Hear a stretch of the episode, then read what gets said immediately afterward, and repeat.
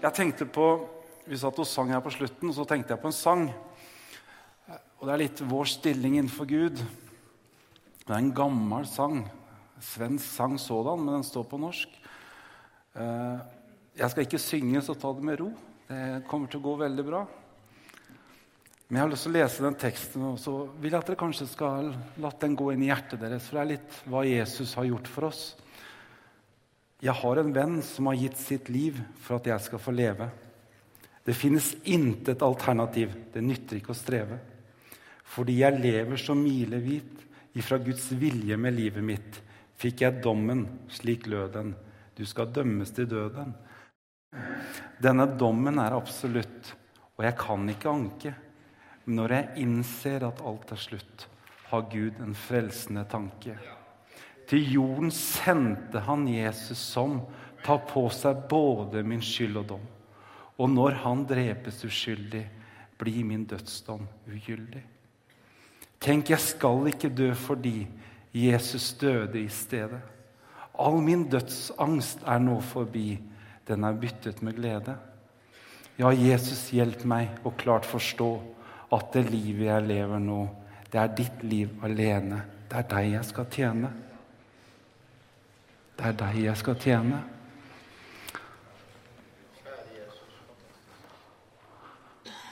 Han tok synden og straffen og alt som jeg skal ha, tok han på seg. Og pga. hva han gjorde, så kan jeg være fri. Kan du være fri? Og det er jo grunn nok til å prise og lovsynge Herrenes Gud. Vi er jo her, og jeg sier når vi har tatt imot Jesus, du, så kan vi bare gå rundt og smile alle sammen. For tenk at vi har vårt navn skrevet i livets bok. Det er der vi skal. Det er der vi har fokuset vårt. Det er der vi skal ha blikket vårt. Omstendighetene her nede kan jo flakse litt. Og vi kan jo oppleve sykdom og forskjellige ting. Men vi skal ha blikket vårt oppover mot himmelen, for det er jo der vi skal bringe evigheten. Amen. Halleluja. Blei vi litt glad nå? Det er godt, vet du. Jeg liker å begynne med vits. Jeg syns det er alltid godt å begynne med en vits, for da kan man slappe av med en gang. Og det er en vits jeg ofte forteller, fordi jeg, synes, jeg kan to, og den ene syns jeg er litt bedre enn den andre. Og så, så, pleier jeg å pynte litt på den, for det er jo sånn det er når det er vits. så har vi lov til å pynte litt på tinga. Så jeg pleier å si det sånn at jeg har en sønn, han er 15 år, så jeg spurte han nå. For det har jo vært en sånn litt sånn tøff grillsesong. Sommeren varte så lenge, så det ble en tøff grillsesong, så vi kjente liksom at ting blei litt sånn trangere. Så jeg sa til guttungen Syns du pappa har blitt tjukk i sommer, sa Og så så han på meg litt sånn, litt sånn dumt, da. Som en 15-åring kan være. 'Pappa, hadde du vært et badedyr, så hadde jeg slutta å blåse nå.'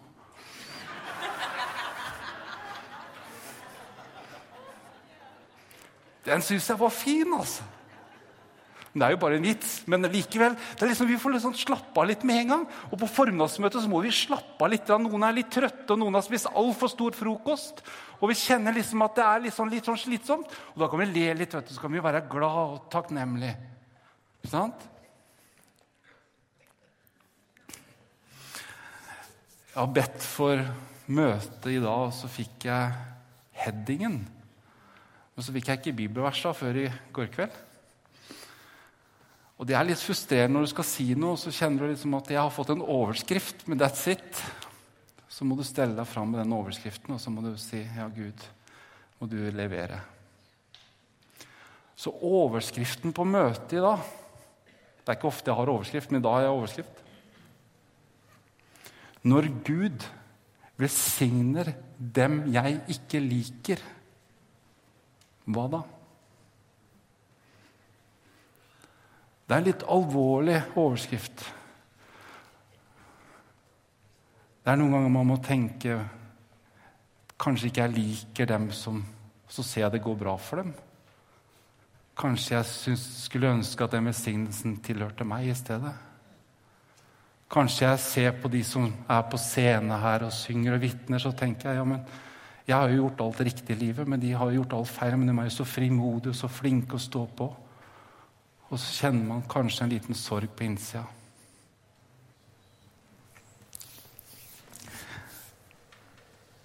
Men Gud er god. Gud ser oss. Gud er for oss. Gud elsker oss. Han ga sin sønn for oss. Og på grunn av hva han har gjort, så er vi fri. Takk, Jesus. Vi legger møtet i Jesu hender. Takker deg, Jesus, at du er her på Beitestølen i formiddag, Jesus. Og jeg takker deg at du skal besigne hver eneste en som er til stede her i salen, og alle som ser på på Facebook, Jesus. Og jeg takker at du er den som fyller alle våre behov her. Jeg takker at det er deg vi kan ha vårt lit til å stole på, Jesus. Og så ber jeg at det jeg sier nå, Jesus, må være noe fra ditt hjerte, Jesus, til hjertene som hører på. Jeg ber at jeg skal tre til side, Jesus, at du blir virksom, Herre. Og så ber jeg at du som er vår rettferdighet, Herre, at du går på benkebesøk, og så snakker du direkte til hjertene, Jesus. Så ber jeg Jesus at vi kan bare sitte med en åpen hjerte og høre din stemme, Jesus. La oss gå forandra ut, og jeg takler deg vi kan legge møtet fullt og fremst i dine hender, til din ære, til din pris. I Jesu navn. Amen.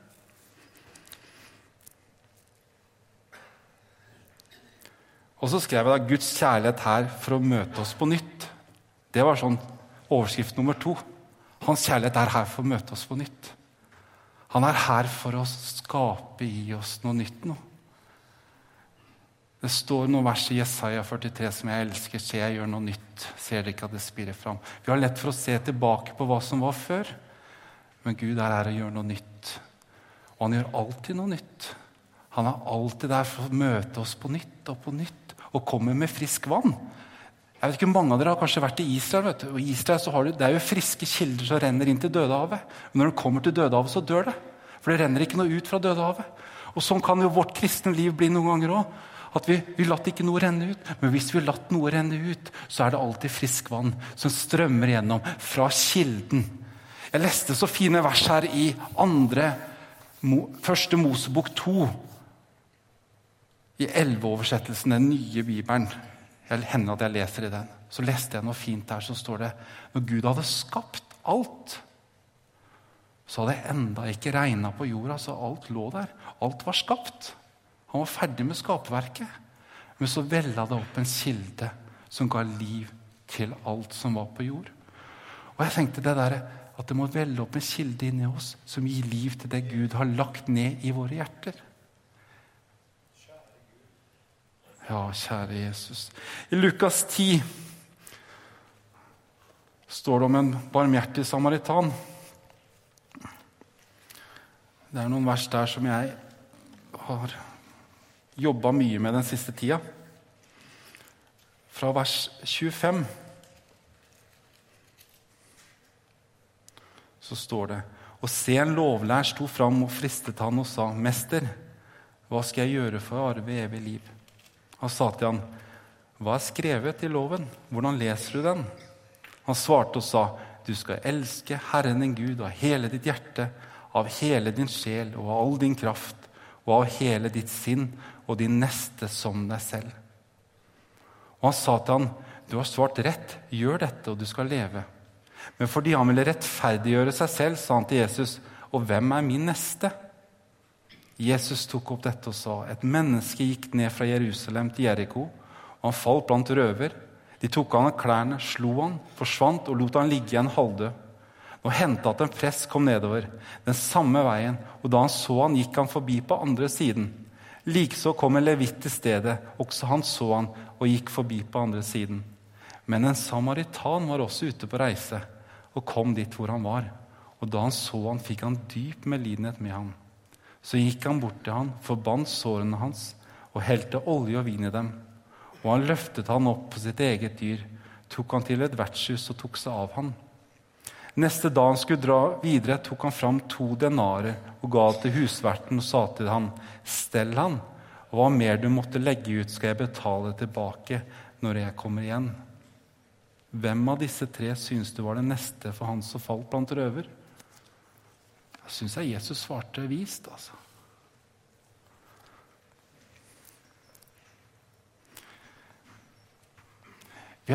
Hanne sa, preka så godt i går. Jeg kjente at jeg satt og blei forfriska i min sjel. Jeg håper også dere som var her, kjente forfriskelse. Det er så godt å kjenne at vi ikke er under loven lenger, men vi står under nåden. At Han har gjort det fullbrakt på Golgata. Det er ikke noe vi kan gjøre for å betale for frelsen vår, for den har Han betalt for en gang for alle. Og så er det så godt at når Han har betalt for det, så kan vi bare gå tre inn i det av bare nåde. Så kan vi stå der, kjære Jesus, jeg takker at ikke jeg fortjener det, men jeg takker at du har gitt oss det. Det syns jeg er godt. Det er, det er, liksom en liten halleluja egentlig bare der. vet du. At vi har fått det av bare nåde. Og så skrev jeg vet du, i går hva vi har kalt det først og fremst samfunn med Han. Så tenkte jeg min vandring med Jesus Jeg jobber jo i evangeliesenteret, og man gjør jo mye bra når man er i senteret. Man hjelper jo mennesker, og man gjør mye på kontoret. og Man gjør mye de riktige tinga for veldig mange.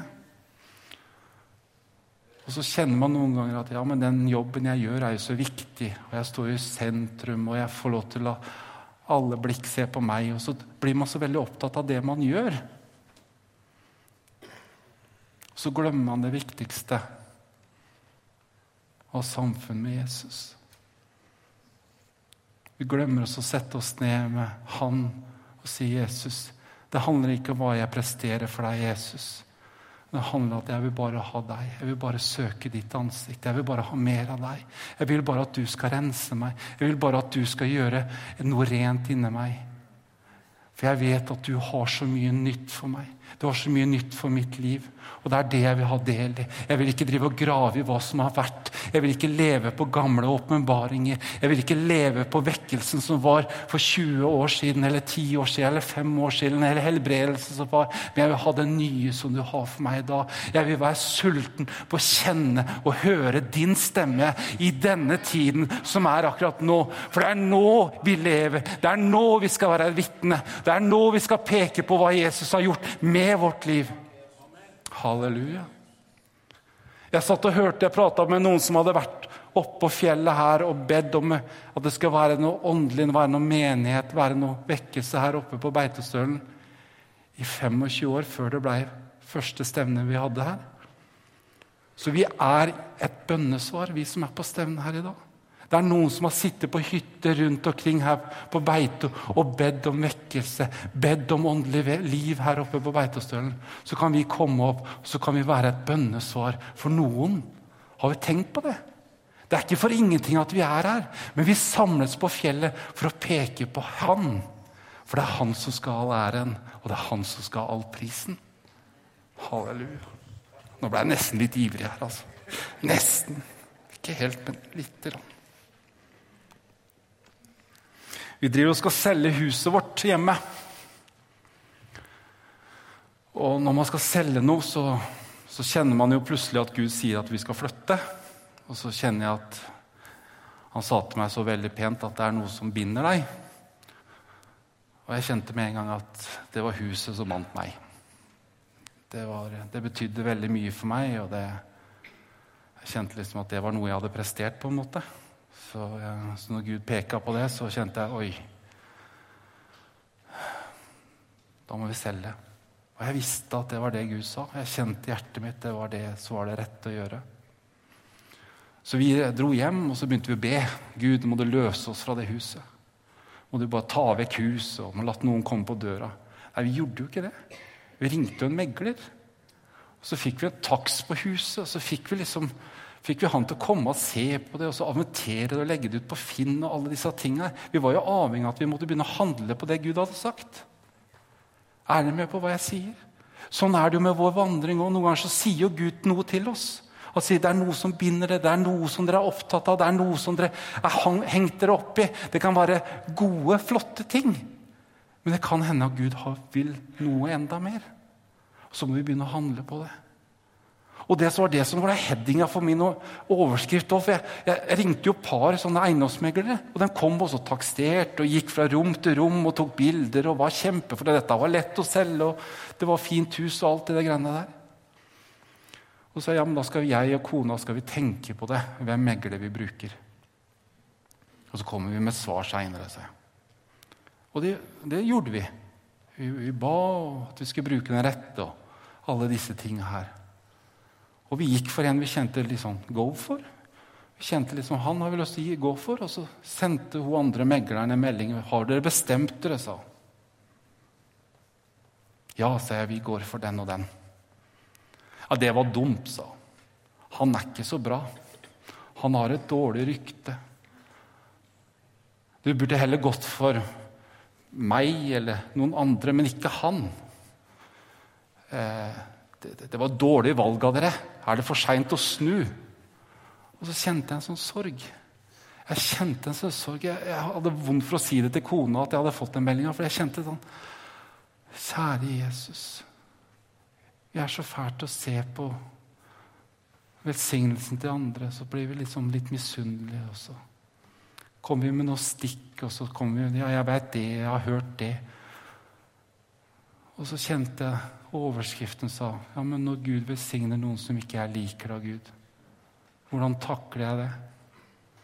Hvis musikkstilen i møtene er ikke den jeg syns er komfortabel med, hvordan takler jeg det? Hvis møtene er litt kjappere enn vanlig, hvordan takler jeg det? Hvis noen tar litt tunger, er det noen som har utfordringer med? vet du? Hvordan takler jeg det? Så ber jeg, kjære Jesus, la oss være dem som heier på hverandre.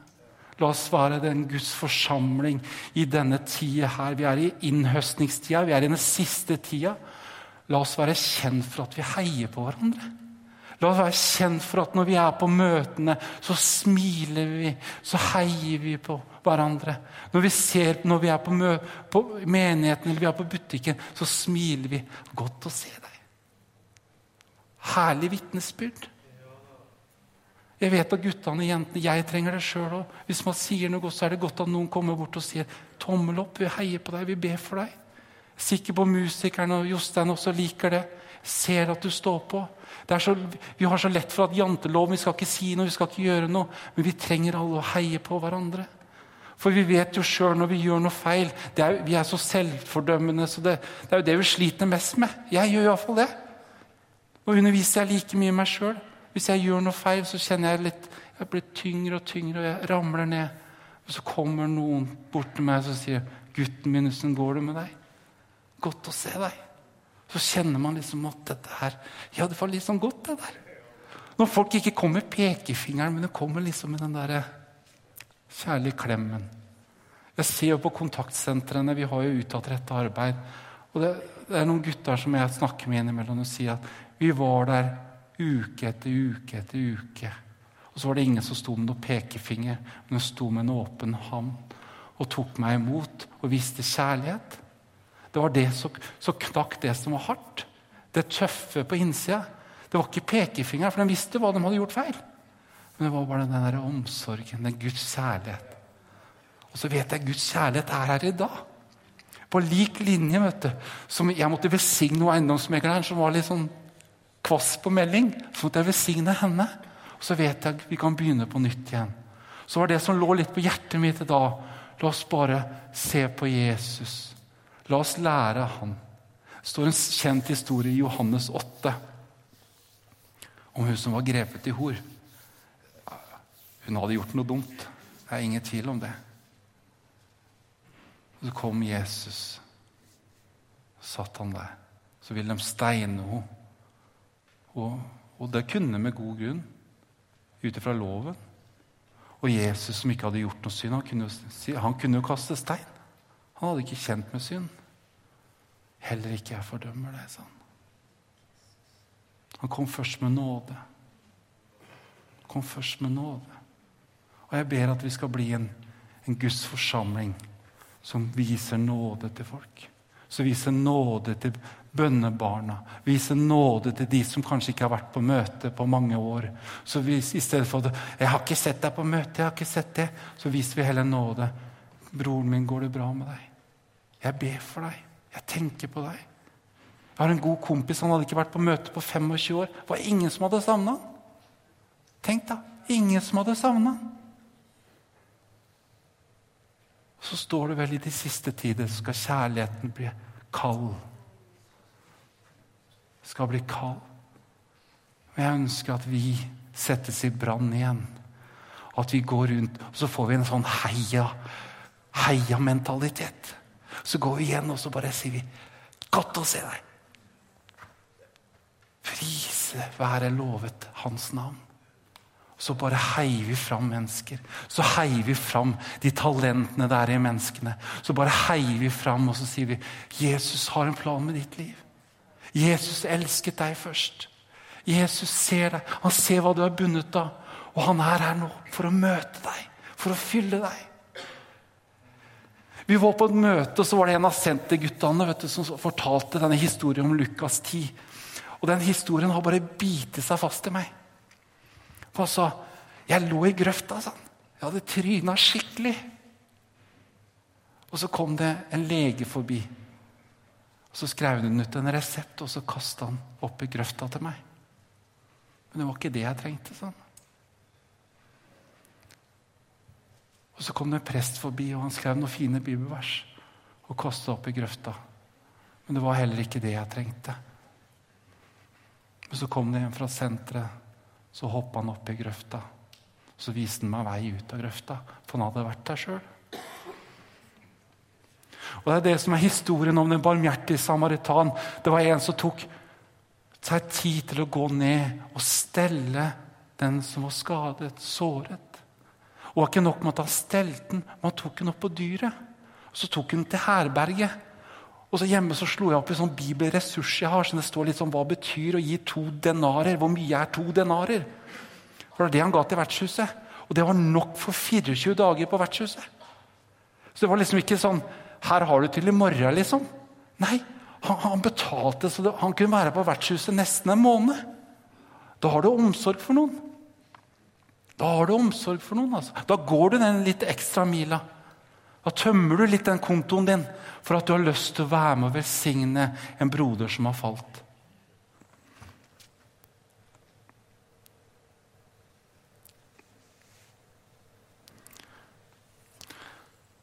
Og så kjenner jeg at jeg ser en skare med mennesker. Og det lå så på hjertet da jeg satt og ba til Gud hva jeg skulle si. Og så en skare av mennesker. Bønnebarn. Mennesker som har blitt såra i menighet. Mennesker som har forsvint ut av våre rekker. Jeg vet ikke om vi har pekt på finger til dem, eller hva vi har gjort. Og vi savner dem i menigheten. Vi skulle ønske vi kunne gjøre om igjen.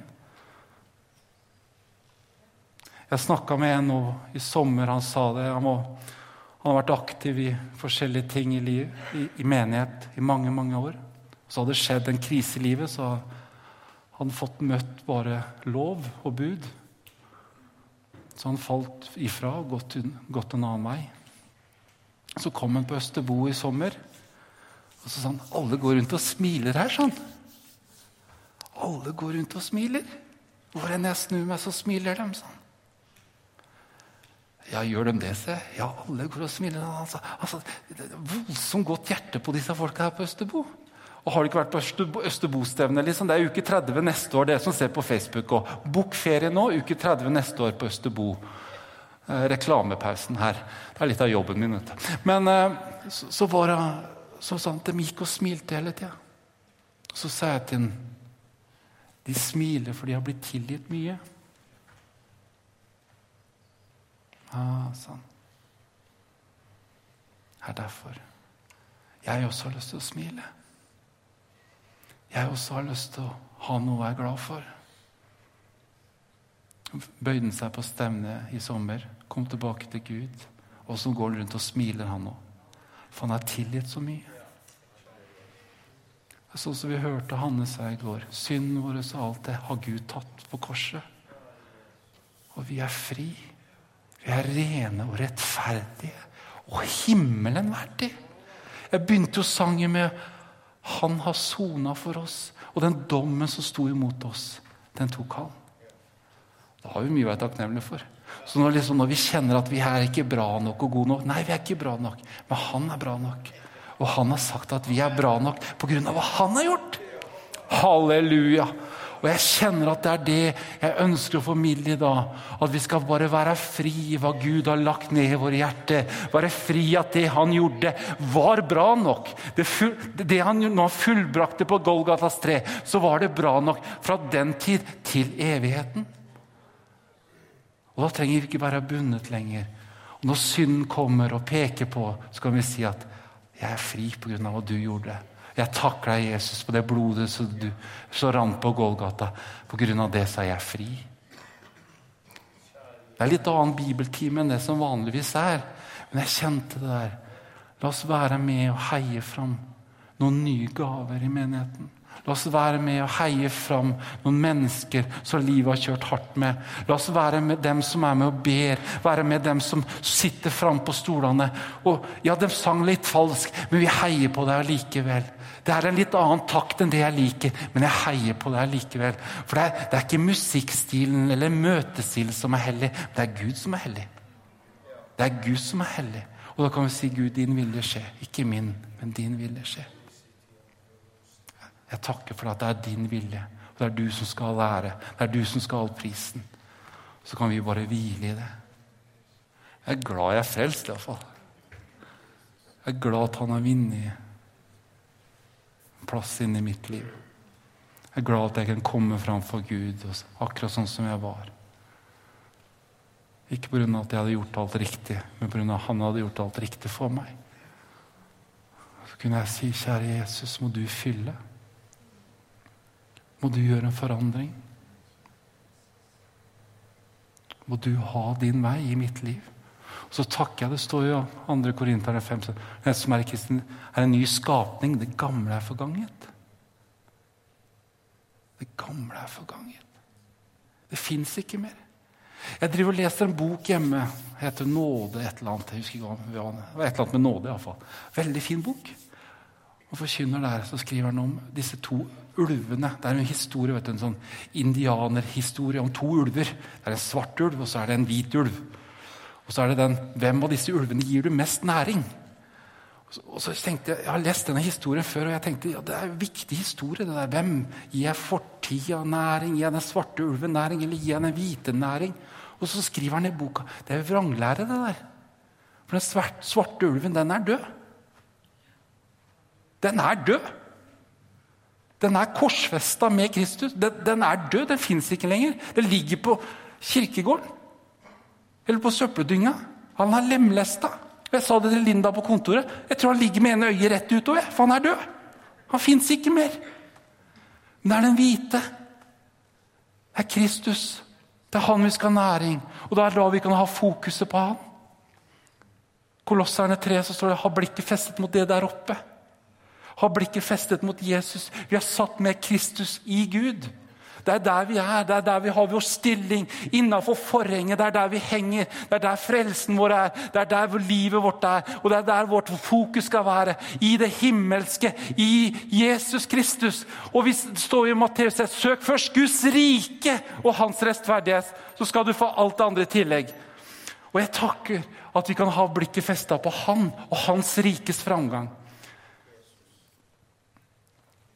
Jeg håper det møtet dag kan være et møte der vi kan søke Gud. Og hvis det er holdninger eller noe vi har lyst til å legge ned, så kan vi bare legge det ned med korset i dag. Så kan vi si Jesus. Hvis mine holdninger, mine meninger, mine tanker står i spenn overfor hva du ønsker for mitt liv, så legger jeg det ned da. Så sier jeg, Gud, må du fylle meg? Må jeg komme på nytt?